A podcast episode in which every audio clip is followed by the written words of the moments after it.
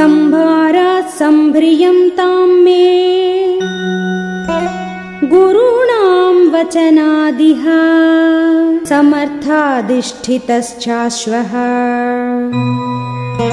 सोपाध्यायो विमुच्यता